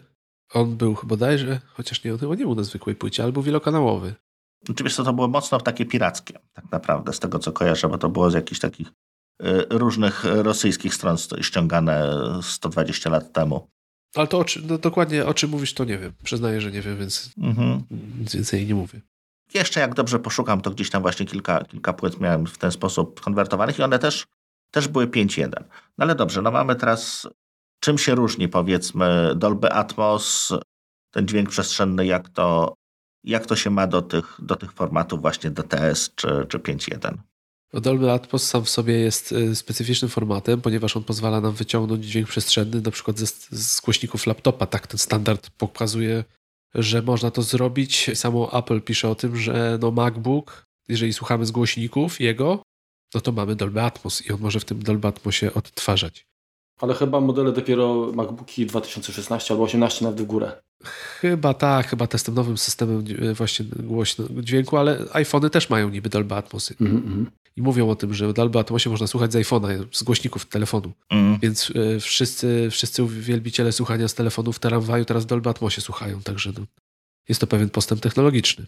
Nie pozdrawiam ich. A jeżeli chodzi o sam Dolby Atmos, to nie chciałbym wejść w, w aspekty techniczne, bo nie jestem przygotowany, mówiąc szczerze, jak to technicznie jest rozwiązane. Ale tak jak Marek wspomniał, wprowadzenie Dolby Atmos do Apple Music to zdecydowanie w mojej ocenie jest większa rewolucja niż sam dźwięk bezstratny. I mimo, że nie jestem jakimś wielkim fanem tego dźwięku, to robi on niesamowite wrażenie. Robi wrażenie głównie na osobach, które nigdy wcześniej właśnie nie słyszały dźwięku CD, nie słyszały dobrego zestawu audio, ponieważ on jest w stanie emulować, bo to jest emulacja pewnego rodzaju, dźwięk przestrzenny, który osiągamy dopiero jak zestawimy sobie porządne stereo w domu. Bo z tego, co ja, przepraszam, wejdę ci w słowo, z tego, co ja kojarzę, co mądrzejsi ludzie ode mnie mówili, jeśli chodzi o, o Dolby Atmos, to jest tak, jak mieliśmy w 5.1 czy, czy we wszystkich tych y, innych systemach, mieliśmy określoną ilość jak gdyby głośników i ten dźwięk był po prostu osobno dla lewego, prawego, tylnego, środkowego i tak dalej. Tak. Y, to jeśli chodzi o Atmos, to on się potrafi automatycznie przystosować. To znaczy, ty podajesz kierunek, powiedzmy, z którego ma pojawiać się dany dźwięk, czy, czy, czy dana jakaś, y, dany odgłos, czy instrument, i on to potrafi zestroić na tyle głośników, ile masz. Czyli nie wiem, masz stereo, jest ok, masz 5.1 jest ok, masz 7.2, to jest jeszcze inaczej, bo on jakby używa dynamicznie tych głośników w takich ustawieniu, gdzie, gdzie się je ma. Dlatego Dolby Atmosa się zestraja z, jak gdyby do pokoju, do pomieszczenia. Tak, tylko ja, ja, ja chciałbym też jakby mm, tutaj dodać, że generalnie Dolby Atmos to jest, to jest w pewnym sensie rozszerzenie troszeczkę jakby samego tego stereo, tak? No bo generalnie stereo to, to, to nie jest tylko sam fakt, że mamy właśnie dwa kanały, tu coś i tu coś, tak? Bo generalnie, żeby to brzmiało naturalnie, to potrzebne są przesłuchy, tak? Jeżeli dźwięk wędruje między kanałami, to po prostu jest go mniej w jednym, aż powiedzmy tam do zera, mhm. tak? A, a więcej w drugim. Zgadza się. Dolby Atmos pozwala jeszcze w, jakby w trzecim wymiarze to zdywersyfikować, to, czyli u, u, ulokować gdy porównamy sobie mono a stereo, no to po prostu pewna wymiarowość dźwięku się, się zmienia, tak? Czyli, czyli jesteśmy w stanie stwierdzić, że tu jest taki instrument, tak? Po tej stronie, a po tej stronie jest taki. A, a dzięki Dolby Atmos mam, możemy poczuć się troszeczkę jeszcze bardziej jakby w środku takiego, takiej, takiej, tej, tej sceny, tak? Czyli może się coś wyłaniać przed nami, za nami, nad nami nawet i, i to, jak to jest zrealizowane, to jest dla mnie magia. Ale, to ale, jest magia, ale to działa. No dlatego mówię, że Dolby Atmos pozwala poczuć to, co czuje się na przykład przy dobrze skonfigurowanym stereo, przy dobrze ustawionych głośnikach, przy odpowiednim punkcie odsłuchowym, bo to wszystko trzeba zachować, tak? Żeby dźwięk, żeby muzyka brzmiała tak, jakbyśmy chcieli najlepiej, to musimy pewne parametry spełnić na zasadzie ustawienia odpowiednich kolumn, miejsca odsłuchowego i wtedy ta przestrzeń, scena w, zarówno wszerz, tak jak w głąb, to wszystko wtedy się pojawia. Atmos powoduje... Czyli jesteśmy w stanie to zaemulować na słuchawkach? No właśnie Według mnie dobrze zrealizowane nagrania w Atmosie e, pozwalają nam w małych słuchawkach poczuć właśnie tą przestrzeń muzyki. Jasne. Rozlokowanie instrumentów, co zawsze było problemem w słuchawkach. Duże słuchawki mają pod tym względem łatwiej, ponieważ mają więcej przestrzeni, które mogą wypełnić. Słuchawki douszne, no jest tym olbrzymi problem. Tak. Dlatego jeżeli założymy teraz AirPodsy Pro, malutkie słuchawki dokanałowe i włączymy coś w Dolby Atmosie, to wrażenie jest niezwykłe, ponieważ mamy wrażenie, że, te, że to nie grają słuchawki, tylko gra nam coś dookoła głowy. Z tym, że jeżeli chodzi o Atmosa, ja mam taki problem, że jak mam go ustawionego automatycznie, to na przykład jak włączy się jeden z moich ulubionych albumów ostatnio, Gojira, jest zrealizowany fatalnie, jest po prostu dramatycznie brzmi. I czytałem na ten temat, że jest problem z tym, jak ten dźwięk został zakodowany i z tym, jak słuchawki też go odkodowują i potrafi ten efekt właśnie być, że ten dźwięk totalnie się gubi. Zupełnie nie odzwierciedla tego, co, co studio miało do przekazania i jak to miało brzmieć czy, czy, czy wyglądać, ale y, ja jestem pod olbrzymim wrażeniem Atmosa, ponieważ jak tu wcześniej rozmawiałem z, z jedną osobą, nareszcie, mówiąc brzydko, zwykły Kowalski jest w stanie zrozumieć, o czym ja tak od tak dawna mówię w sensie konfigurowania dobrego sprzętu, szukania dobrych głośników i tego, żeby poczuć tą przestrzeń w muzyce, detale.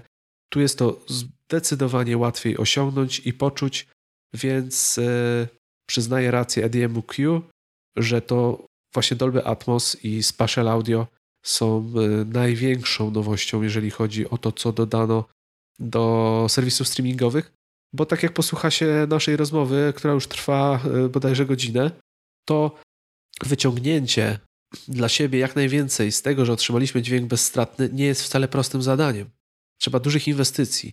A przy Dolby Atmosie część z tych rzeczy, których szukamy w tej muzyce bezstratnej, szukamy w sprzęcie, szukamy wydając spore pieniądze, uh-huh. dostaniemy na małych słuchawkach. I dla większości znakomitej to wystarczy i zrobi to robotę. Zresztą fajne, tak jak Remku wspominałeś o tym, jak ta historia wyglądała od mono przez stereo, fajne są te zajawki, które są przez Beats One radio bodajże zrobione. Tak, tak, tak. Przez Zainlaw, który pokazuje różne znane utwory i mówi, jak one brzmiałyby w mono i jak ta rewolucja wygląda. I tam da się poczuć, to jest fajny przykład właśnie, jak ten dźwięk rośnie. I jeżeli ktoś słuchał i był zainteresowany jakością bezstratną, ale nie bardzo chce się bawić w to, żeby tę inwestycję czynić, czy, czy jakoś specjalnie sobie konfigurować sprzęt, to niech po prostu postara się, żeby w tym Dolby Atmosie muzyki posłuchać. Wydaje mi się, że jest całkiem dużo słuchawek, które na to pozwalają i bodajże Marek... No właśnie, jakie... Właśnie Marek, twoje bitsy bodajże, one tak, obsługują Atmosa. Obsługują i jest różnica naprawdę, znaczy tak, mamy nauszne M-Audio, tak, HD50 i, i, i douszne dokanałowe bitsy flexy i powiem Ci, że w tych dokanowych słyszę większą korzyść, większą różnicę na, na plus, tak? I autentycznie na początku miałem takie wrażenie, że kurczę, hmm, no włączyli ten high-res, tak, czy ten lossless, tak, włączyli, kurczę, ten i, i mówię, jakoś tak naturalnie to, to przyjąłem i dopiero później jak zacząłem sobie robić testy i zacząłem te same utwory słuchać na przykład ze Spotify, kurczę, nie no, no jest kosmos, tak, jest, jest, jest naprawdę różnica. Także ja jestem bardzo zadowolony, zwłaszcza, że tak naprawdę nie wiązało się to z jakimś dodatkowym subskrypcją w, w innej kwocie, tak? Także dla mnie to jest po prostu... Ale te minima audio masz, e, one są zgodne z Dolby Atmosem? Bo ja na przykład podłączyłem e, sobie Sony, wymusiłem Dolby Atmos, bo trzeba pamiętać o tym, że no tak, tak. jak znaczy, się ma inne słuchawki, to trzeba wymusić Dolby Atmos i nie brzmiały. Bo te moje Sony, ja mam Sony WHT 1000 XM4 czy MX4, nie pamiętam. Mhm. Tak, to nikt nie zna nazwy? Tak, nikt nie jest w stanie tej nazwy zapamiętać. I one, one mimo że y, iPhone wyrzucał Dolby Atmosa, to ten dźwięk był dziwny. Mhm. I wyszło mi na to, że po prostu nie są zgodne, więc nie są w stanie tego przetworzyć. To teraz mi wytłumaczcie, co dostają takie słuchawki? Jaki sygnał? Że one tego nie potrafią lub potrafią przetworzyć? Nie mam pojęcia, jak to wygląda, ale to jest jakiś specyficzny. I, I to nie wiem, powiem Ci szczerze, że nie wiem, czym on się różni, ale to musi być jakiś, wydaje mi się, jednak układ, który jest w, w słuchawkach. Musi to jakoś dekodować i odpowiednio ten dźwięk na te, na te przetworniki wypuszczać, żeby Jasne. to miało ręce i nogi. Więc tutaj ta kompatybilność. Czyli to jest dalej pod stronie, po stronie słuchawek, tak naprawdę. Wydaje mi się, że tak. Ponieważ Dolby Atmosa chyba na przewodowych słuchawkach nie ma. Nie wiem, jak to wygląda. Nie wiem, czy nie opowiadamy teraz głupot, wiesz, ja nie jestem, nie, nie jestem jakiś bardzo zagłębiony w ten temat, bo mnie nie do końca on interesuje, jako że nie, nie mhm. słucham za dużo w tym formacie, ale, ale to jest ciekawostka. Czyli możemy przyjąć, że, że tam jest, z tego co kojarzę, są no, większość słuchawek Apple, tych, tych powiedzmy lepszych trochę bitsów również, kilka słuchawek, nie wiem, tam gamingowych, takich typowo. To znaczy, umówmy się, to jest, to jest tak, że przynajmniej sama Apple się wypowiada w ten sposób, że jeżeli są to słuchawki, które mają chip W1 lub H1, to z automatu, nawet jak jest opcja w sensie, że, że, że nie wymuszamy, to, to po prostu jest to rozpoznawane, że, że takie słuchawki są i automatycznie ten tryb y, Special czy Dolby Atmos się uruchamia. Zgadza się. Natomiast każdy inny sprzęt, jeżeli chcesz żeby sygnał był podany w takim formacie, już niezależnie od tego, jak sobie te przetworniki poradzą, to mhm. możesz y, tym przytyczkiem wymusić jakby podawanie sygnału już takiego... Y, z tym, że, z tym, że słuchawki powinny mieć certyfikację do Dolby Atmos. Okej, okay. czyli wiem, w ten sposób To nie możemy... znaczy, że jakieś, że jakieś nie będą miały, że sobie nie poradzą. Nie, to, to trzeba sprawdzić To empirycznie. trzeba organoleptycznie sobie posłuchać. Z tego co kojarzę, to, to słuchawki Microsoftu do Xboxa Series X wspierają Dolby Atmos, ale trzeba go sobie dodatkowo wykupić. Czyli one jakby w pudełku nie mają, mają chyba tam jakby działa to na, na, na, na, na chwilę, czy tam na jakiś tam trial, czy, czy miesięczny, czy coś takiego. I jak chcemy dalej tego słuchać, to trzeba tam zapłacić, nie wiem, 10-15 dolarów. Więc no jest to dostępne gdzieś, gdzieś również poza, poza światem Apple, ale, ale nie zawsze tak, tak, tak prosto. No teraz toczy się dyskusja właśnie na forach Sony, czy te XM4 dostaną Dolby Atmos, no bo trochę to nie przystoi, że taki powiedzmy to flagowy model bezprzewodowy od Sony tego nie posiada. No tak. Zwłaszcza teraz, jeżeli ten Dolby Atmos zaczyna się pojawiać. Ja się zastanawiam tylko nad jednym, czy Dolby Atmos trafi do innych usług streamingowych? Powinien. Myślę, że tak. Jednak tu nie mamy żadnego spatial, spatial audio by Apple, więc dlaczego by nie, nie? Jakby nie no patrzeć, tak. no to będą się upominać na pewno o to. I myślę, że też Apple dużo położyło kasę na to, żeby dostać to pierwszy, pierwsi i na razie nikt inny nawet nie mówi o tym, że będzie to miał. Kuba, a ja do Ciebie pytanie, tak. bo Tidala y, używałeś, tak? Nie wiem jak teraz. Oni mają taki, taki to się nazywa u nich MQA, tak? Zgadza Master się. Quality tak. Audio, coś takiego bodajże. Czy to jest y, do, dokładnie, czy to jest to samo co Apple Digital Masters? Chyba odpowiednio. Y, nie, to, to jest nie, to MQA to jest bodajże najwyższy standard audio, jaki oni serwują.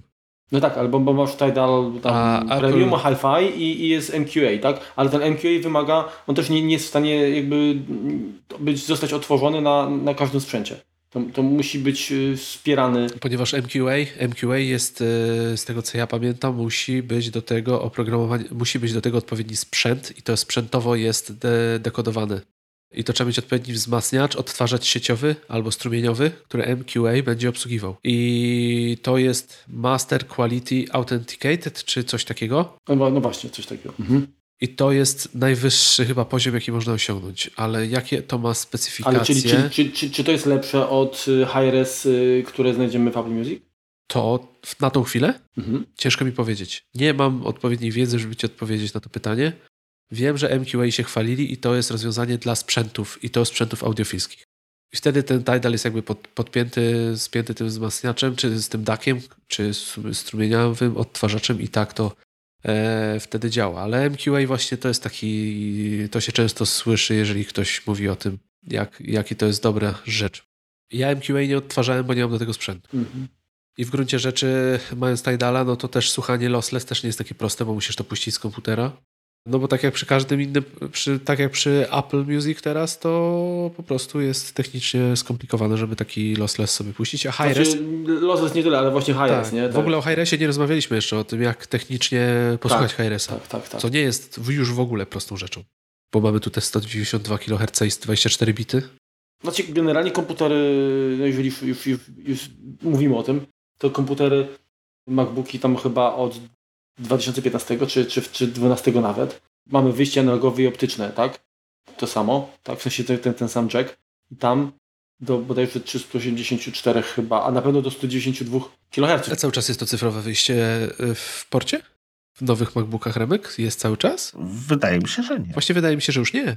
Wydaje mi się, że nie. No ja podpinam optykiem y, sobie MacBooka pod moje kefy i... Ale ty masz starutkiego MacBooka. To masz 2015. Wydaje mi się, że już teraz chyba tego nie ma. Bo nawet Apple w swoich e, materiałach pisze o tym, że jeżeli chcemy mieć high-res, to myślę, że wspomnieliby o tym, że można się podpiąć światłem, ale tego nie robią i właśnie wskazują, że żeby posłuchać high-res, i to jest rzecz właśnie istotna, musimy podpiąć DACA do tego, czyli przetwornik cyfrowo-analogowy, który obsłuży nam taką, taką gęstość. No, czyli mam audiofilskiego MacBooka. Czyli ty masz najlepszego, to jeszcze nie musisz daka dokupować. Pytanie, co tam jest w stanie wypluć po tym świetle? No jak... To też musiałbyś sobie jeszcze to czytać. Ale co no masz... dobrze, ale jak, jak wejdziesz na przykład w um, konfigurator MIDI, to tam masz parametry, tak? I przy dźwięku, właśnie jak, jak podepniesz e, sobie optykę, no to, to możesz zmieniać parametry. Także na pewno z tego co pamiętam to 24, 32 nawet też e, bity i 192 jak nie więcej. Potwierdzam, nasze szesnastki na pewno nie mają. O, no właśnie. Pytanie jak tam reszta, ale to już nie na, na sprawdzenie teraz. Mhm. W każdym razie, czy do iPhone'a, czy do iPada, czy do MacBooka, przynajmniej nowszego, bo tu marka kwestia jest do zweryfikowania jeszcze, bo sam jestem ciekaw jak to było w tych starszych. Żeby posłuchać muzyki hi-res, potrzebny jest przetwornik, który obsłuży nam ten format, czyli 192 kHz 24 bity. Myślę, że spokojnie możemy polecić. E, Marek chyba też się, też się do tego tutaj dopisze, że możemy polecić produkty FIO firmy. Mhm. Tak. Bo to były fajne sprzęty. Tam jest wersja Q1 bez wzmacniacza słuchawkowego i wersja Q3. Więc bodajże 400 zł. Około, mówię, strzelam teraz, jak to tam, bo nie pamiętam dokładnie, około 400 i około 700 zł za taki wzmacniacz, który można użyć, y, taki przetwornik cyfrowo-analogowy i wtedy można też sobie takiej muzyki posłuchać. Tak samo podpięcie do zestawu, do zestawu stereo czy jakiegokolwiek innego też wymaga takiego przetwornika. Także o tym należy pamiętać. Wiem, że jeszcze bardzo fajne, ale nie pamiętam, czy też obsługują ten hi-res, e, ale wydaje mi się, że tak, są urządzenia Audio Quest o nazwie Dragonfly. To są takie mhm. mhm. dongle, dongle na USB. Wiem, że wszyscy czekają na to, aż wypuszczą ten dongle e, z portem USB-C. Na razie jest z USB-A. a raczej był, dopóki patrzyłem, więc teraz też Mhm. wszyscy czekają, żeby to sobie móc podłączyć swobodnie do, do nowych MacBooków bez żadnych przejściówek. No, więc słuchajcie, tutaj yy, Rebek podesłałeś yy, dokument na nas na, na Knowledge Base yy, Apple. No i tutaj faktycznie jest informacja odnośnie komputerów, czyli MacBooki Pro. To z retiną, jeżeli mówimy o 15, tak? No to 15 yy, końcówka 2013, late 2013 do, do mojego modelu, czyli do Mi 2015. Już kolejne już, już Mhm. tego, czy nie oferowały I tam high-res poleci? Przez Tak, to? 100 176,4 i 192 kHz. Aha. No to masz sprzęt audiofilski. Tylko na optyku. No. tak, tak to wygląda. A to wiesz co, to ciekawostka, bo też mam takiego MacBooka w domu, co prawda 2012, on chyba też taki ma, wtedy wyjście, to można by z niego... 2013, 2013, late 2013. A, a, no 2012, no to nie, to jednak nie. Dobra, powiedzcie mi może, co się stało z Pono i tymi odtwarzami, bo była powiedzmy tam 5-4 lata temu moda na odtwarzacze Hi-Res Audio. Yy, Neil Young to zapoczątkował. E, Czy kto, kto, kto to był? Ojejku, jak, jak, jak, jak się nazywa ten gościu? Neil Young. Neil Young. No właśnie, no właśnie, no właśnie. Znaczy ja, ja ja bym powiedział, że ta usługa powinna się nie, nie, nie nazywać Pono, a po co? To podsumowałeś jak gdyby to już pytanie. Właściwie dalsze roztrząsanie nie ma sensu. Znaczy, to wydaje mi się, że problem jest zawsze taki, że żeby zyskać popularność, to też nie można przesadzić z ceną, tak? Jeżeli, znaczy ja myślę, że tutaj chodziło o, o, o zgarnięcie kasy z rynku maniaków audiofilskich, czy, czy no bo Meloman bardziej zwraca chyba uwagę na treść, a audiofili jednak na, na jakość, tak? Mhm. I chyba, yy, nie wiem, z jakiegoś powodu rynek yy, od, odrzucił, tak? Wiesz co, y, nieraz się przewinęło dzisiaj to, że jednak nie da się mobilnie słuchać muzyki w dobrej jakości i, mieć z tego taką przyjemność, jaką by się chciało. Więc myślę, że to też była jedna z przyczyn. No i to też nie jest tak duży rynek, niestety, żeby to się utrzymać. I to myślę, że tu potrzeba dużej machiny, żeby coś takiego sprzedawać. Wiem, że Sony sprzedaje do dzisiaj takie urządzenia, które pozwalają na high-res, są przenośne, obsługują pliki. No Neil Young I nazywają się Walkman. nazywał się Walkman. E, Mhm. No a Neil Young, no wydaje mi się, że przestrzelił, tak. Chciał dobrze Mhm. chłop i wyszło jak zwykle. Czyli ten Hi-Res Audio to nie jest jakaś tam potrzeba rynku, tylko, nie wiem, jakieś takie bardziej audiowudu jednak? Nie mówiłbym, że audio voodoo, bo to biorąc pod uwagę to, jak ten, te pliki są generowane, no to ma podłoże, że może brzmieć lepiej, no bo mamy Mhm. tu czy- wielokrotność próbkowania, a co jest najważniejszym elementem, jeżeli chodzi o to, ile mamy sygnału. Znaczy, więc, Remku, czy to, czy to jest voodoo? To, to nie jest voodoo, tak? Tylko teraz pytanie, co kto potrzebuje, tak? I, widzisz, ja na przykład lubię materiały w, w wysokiej jakości, tak? I teraz nawet patrząc na, na wideo, to, to dla mnie telewizor 8K, no to, to, to, to jest kwiatek do kożucha, tak? Dobry film jestem w stanie obejrzeć na, w jakości DVD. Jak, jak mnie wciągnie, to wystarczy. I teraz, jeżeli ty słuchasz muzyki, bo ona jest tłem, a, a nie, nie zanurzasz się w nią tak, Mhm. że tylko się w niej poświęcasz w 100%, to to HRS dla ciebie nie jest koniecznością, tak? Jeżeli ty, no, tak jak, jak Kuba y, jakiś czas temu powiedział, że, że to musisz po prostu się oddać, oddelegować jakby ciebie całego na, na tę sesję odsłuchu, to wtedy to HRS ma, ma, ma sens. I większość społeczeństwa ma na to wrąbane, wydaje mi się, tak? Więc y, nie dla każdego ten HRS w takim, w takim codziennym użyciu będzie w ogóle zauważalny, słyszalny. Czy ja jeszcze powiem tak, y, czy jest to voodoo? Nie jest, wbrew temu, co mówi się powszechnie, bo dla większość osób jednak neguje to, że, że można słyszeć więcej, że to ma sens i mówią o tym, że MP3 to jest wszystko, co człowiekowi jest potrzebne do szczęścia. Nie jest to voodoo.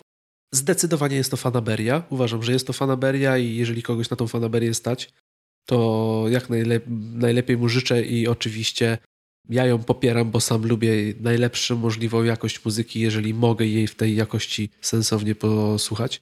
Więc y, fajnie, że, że coś takiego jest. Fajnie, że Apple dało to Z dobrodziejstwem inwentarza, no. cenie tej, jaką mamy z dobrodziejstwem inwentarza, bo Hi-Res wcale mu dawać nie musieli, Mhm. bo to mogłaby być usługa premium dla wariatów i pewnie trochę by na tym zarobili, ale też, y, no mówię, no tak jak Topono, to nie jest tak wielka liczba odbiorców, którzy to zdeklarowanie kupią i będą tego używali na co dzień, żeby na tym po prostu utrzymywać swój biznes.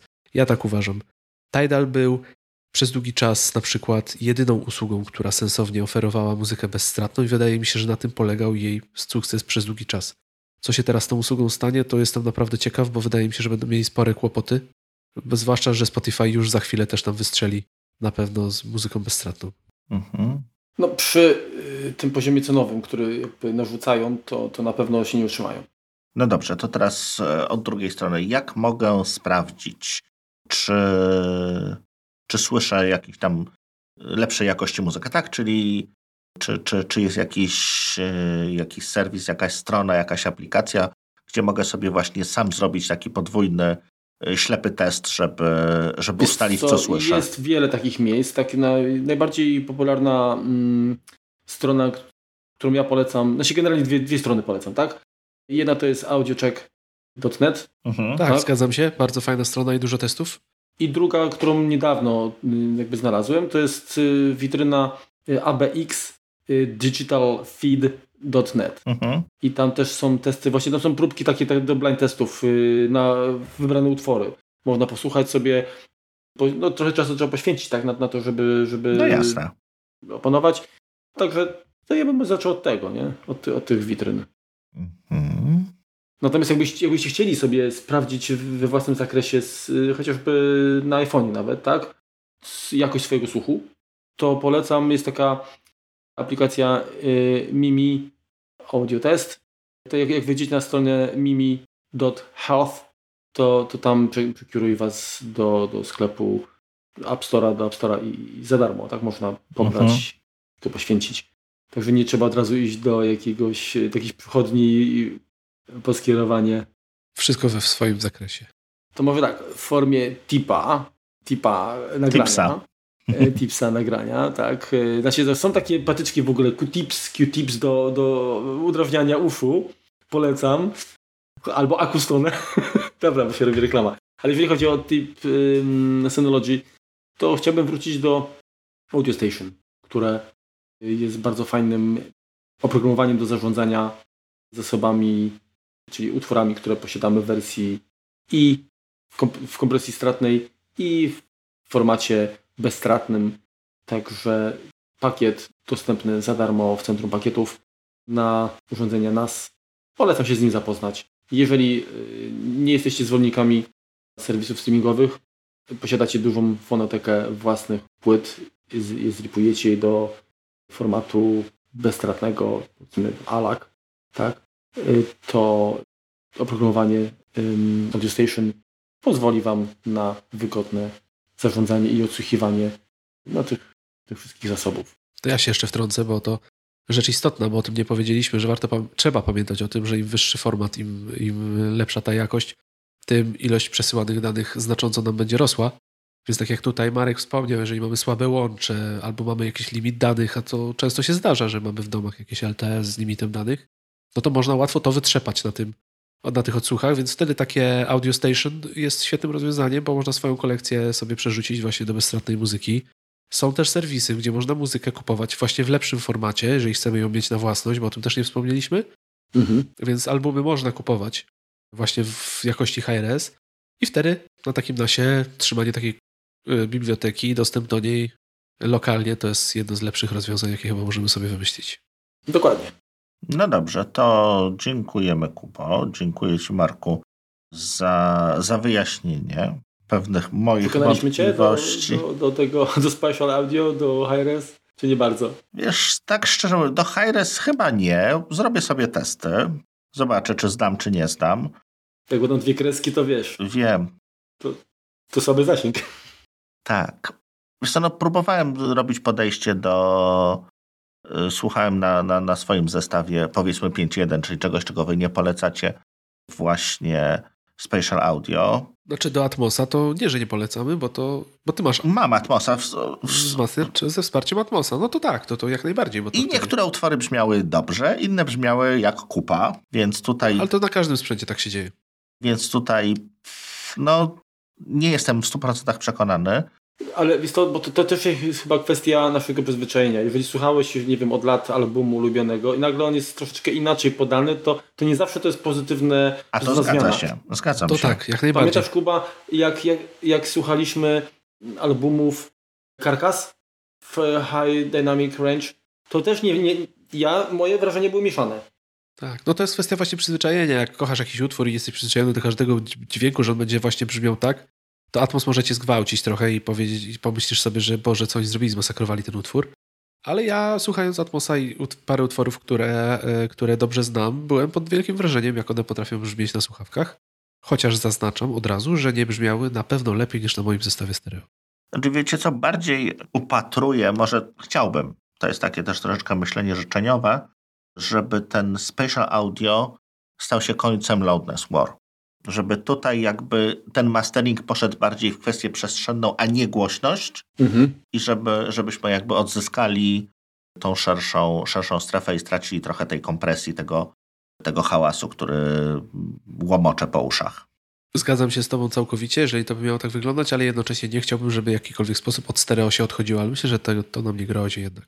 No tak, no bo wszystkie radiostacje, no przecież to nie, nie, Dokładnie. nie przełączą się nagle, Dokładnie tak. nagle na odtwarzanie innej, innej muzyki. Ale jeżeli znajdą sobie producenci nowe, nowe źródełko do tego, żeby e, spełniać się w, swoim, w swojej pracy w postaci właśnie przestrzeni, mhm. a nie tego, żeby jak najlepiej brzmieć w radiu i żeby jak najgłośniej było i żeby zwracać na siebie uwagę, to oby tak było. No dobrze, to tym optymistycznym akcentem dziękujemy Wam za wysłuchanie tego odcinka. E, dziękujemy Kubo za, e, za wizytę. Polecamy się na przyszłość oczywiście. No i co, do usłyszenia. No ja tylko chciałbym jeszcze dodać, yy, bodajże Wojtek Pan kiedyś dobrze powiedział, że już abstrahując od tego wszystkiego, o czym tutaj mówimy od dłuższego czasu, słuchajmy muzyki, a nie wzmacniaczy i sprzętów i o to w tym wszystkim tak naprawdę chodzi, bo łatwo się pogubić. Oj tak. Także ja chciałbym podziękować za zaproszenie, było mi jak zwykle, nie, jak zwykle niezwykle miło. Mam nadzieję, że usłyszymy się wkrótce znowu, może przy jakiejś innej okazji. I dzięki panowie. Dzięki, Kuba. To była czysta przyjemność. Wzajemnie. To do usłyszenia. Wracamy do usługów, nie? Na razie, cześć. Cześć. Cześć. Miało być na zero, a jest na poszło. No widzisz, tyle zmylenia przeciwnika. Ale, ale zaś poszło, na końcu ma o, to jest jak zero wygląda. Ale skumałem, zrobiłem. Dałeś radę. Tak. No, dokładnie. Dobra. O bezstratny, bo on... Stratny.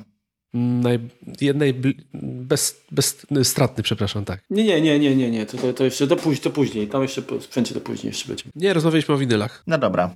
Gdzie Remek nagrywa, że ma taką piankę z tyłu? Położył się na wytłuczankę do jajek. No tak widzę właśnie. Nie, fajnie, fajnie ma tam, nie? To chyba u niego w szkole tak jest. Już, momencik, momencik, momencik, momencik. O co ja się pytałem? Aha. Nie, no to się nie da tak ogarnąć, żeby coś mądrego jeszcze więcej powiedzieć. Bitów? Kiloherców? Mhm. Bitów. Nie, nie. Tak, tak, tak, tak. To teraz tak, powoli będziemy zawijać. Pogubiłem się, mówiąc krótko. Zacznij jeszcze raz. Bo mi tu drzwi otworzyli. O czym ja mówiłem? A, o wudu. Dobra, czy jeszcze coś mamy? Czy to już właściwie o wszystkim było? Chyba wszystko. Eee, wyłączyć, wyłączyć.